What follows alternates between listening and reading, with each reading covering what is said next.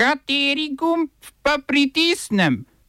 Tisti, na katerem piše OF. Mehiško vrhovno sodišče zavrnilo predlog za dekriminalizacijo splava. Propekinške oblasti v Hongkongu prepovedali nastop nekaterim opozicijskim kandidatom na parlamentarnih volitvah. Napovedan umik 12 tisočih ameriških vojakov iz Nemčije. Trije nadzorniki, ki jih je zamenjala Janševa vlada, se vračajo na radio televizijo Slovenija.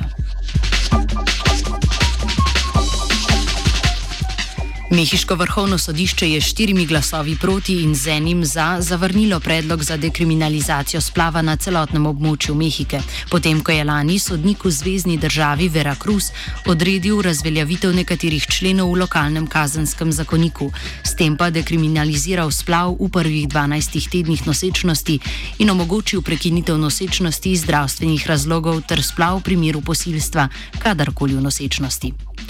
Z omenjeno zavrnitvijo so vrhovni sodniki preklicali odločitve sodnika iz Veracruza in onemogočili precedens za legalizacijo splava v vseh zvezdnih državah. Splav je v Mehiki sicer dovoljen v le dveh od skupno 32 zvezdnih držav. Vladajoča levo-sredinska stranka Morena, predsednika Andresa Manuela Lopeza Obradorja, pa je glede vprašanja splava razdeljena.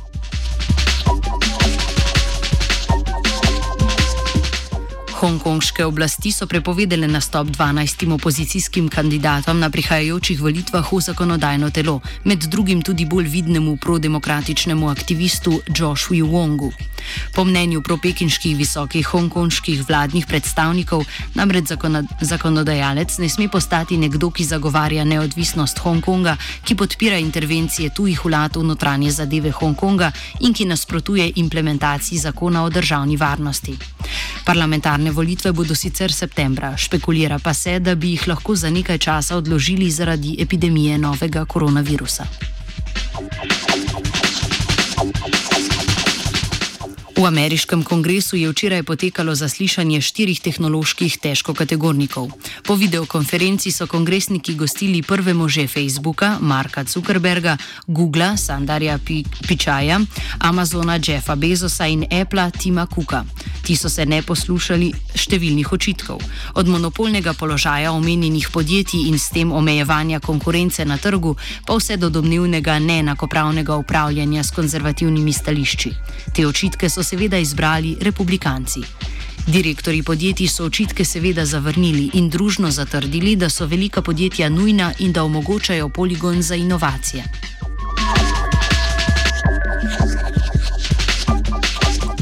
Združene države bodo iz Nemčije umaknile 11.900 vojakov, je naznanil ameriški obrambni minister Mark Espen.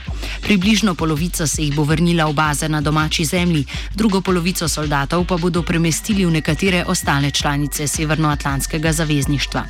Nekaj jih bo svoj novi dom našlo ob Črnem morju, nekaj pa naj bi jih premestili v baltske države, na Polsko in tudi v Italijo. Hkrati z umikom okrog tretjine ameriških vojakov iz Nemčije, tam je namreč trenutno okrog 36 tisoč vojakov, bodo premestili tudi poveljstvo ameriških oboroženih sil v Evropi. Ta se iz nemškega Stuttgarta seli v Belgijo.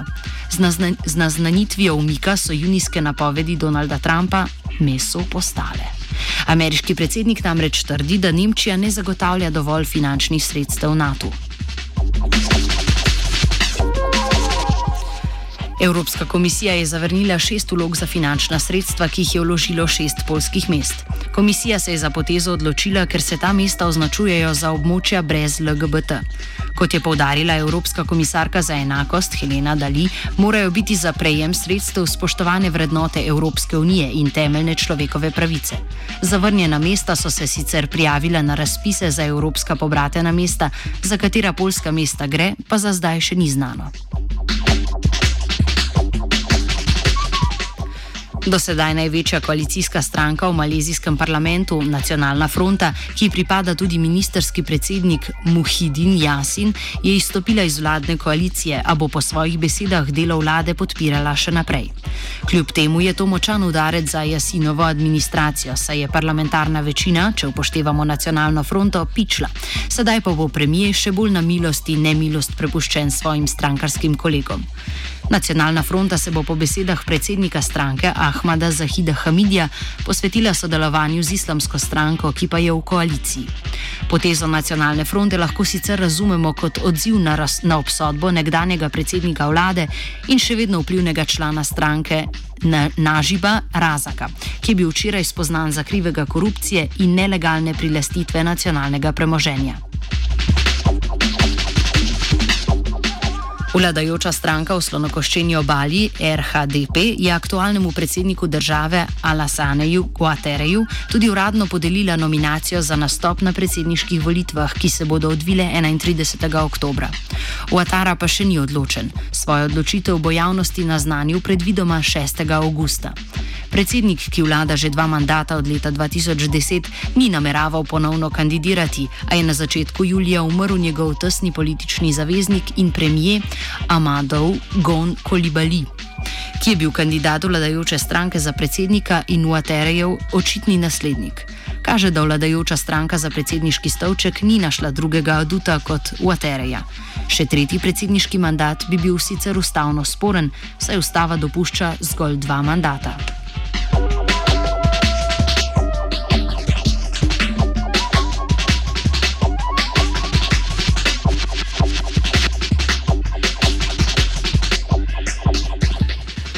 Upravno sodišče je za začasno odredbo zadržalo veljavnost sklepa vlade, s katerim je ta 16. aprila zamenjala tri od štirih nadzornikov Radio Televizije Slovenija, ki je sicer na položaj lahko imenuje.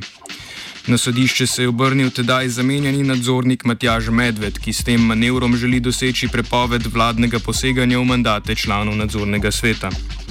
Novica o sklepu je med nadzorniki zaokrožila tik pred začetkom seje nadzornega sveta, tako da je sejo predsednikov nadzornikov Andrej Grah Vatmau prekinil še pred obravnavo dnevnega reda. Na tem je bila pomembna predvsem obravnava finančnega načrta za prihodnje leto. Nov sklic seje nadzornega sveta bo predvidoma avgusta. Boru Trončevič, sociolog in strani Janševe vlade imenovani nadzornik, ki je sedaj potegnil takrat, ko pa v situaciji po njegovem včerajšnjem tvitu sodeč vidi zaroto globoke države.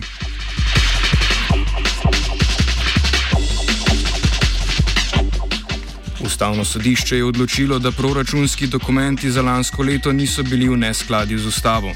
Zahtevo za oceno ustavnosti so lani spomladi vložili ravno poslanci slovenske pomladi. V proračunskih do dokumentih so namreč predstavniki SDS-a in NSI-ja videli kršenje fiskalnega pravila zapisanega v ustavo, ki določa, da morajo biti prihodki in izdatki srednjeročno uravnoteženi brez zadolževanja. Celotni izdatki pa so bili po njihovo načrtovani za 270 milijonov evrov previsoko. A ustavno sodišče je, podobno kot je takrat na očitke odgovarjala vlada, zapisalo: citiramo. Srednjeročnost iz ustavne določbe je treba razumeti kot dolžnost takega fiskalnega upravljanja in načrtovanja, ki se osredinja na stanje javnih financ skozi celoten ekonomski cikl in ne samo na tekoče proračunsko leto. Konec citata. S tezo, da lanski, ustavni, da lanski proračun ni bil v neskladju z ustavo, se je strinjalo sedem ustavnih sodnikov, dva pa sta glasovala proti. To sta bila, kako presenetljivo, Klemen Jaklič in Marko Šorli.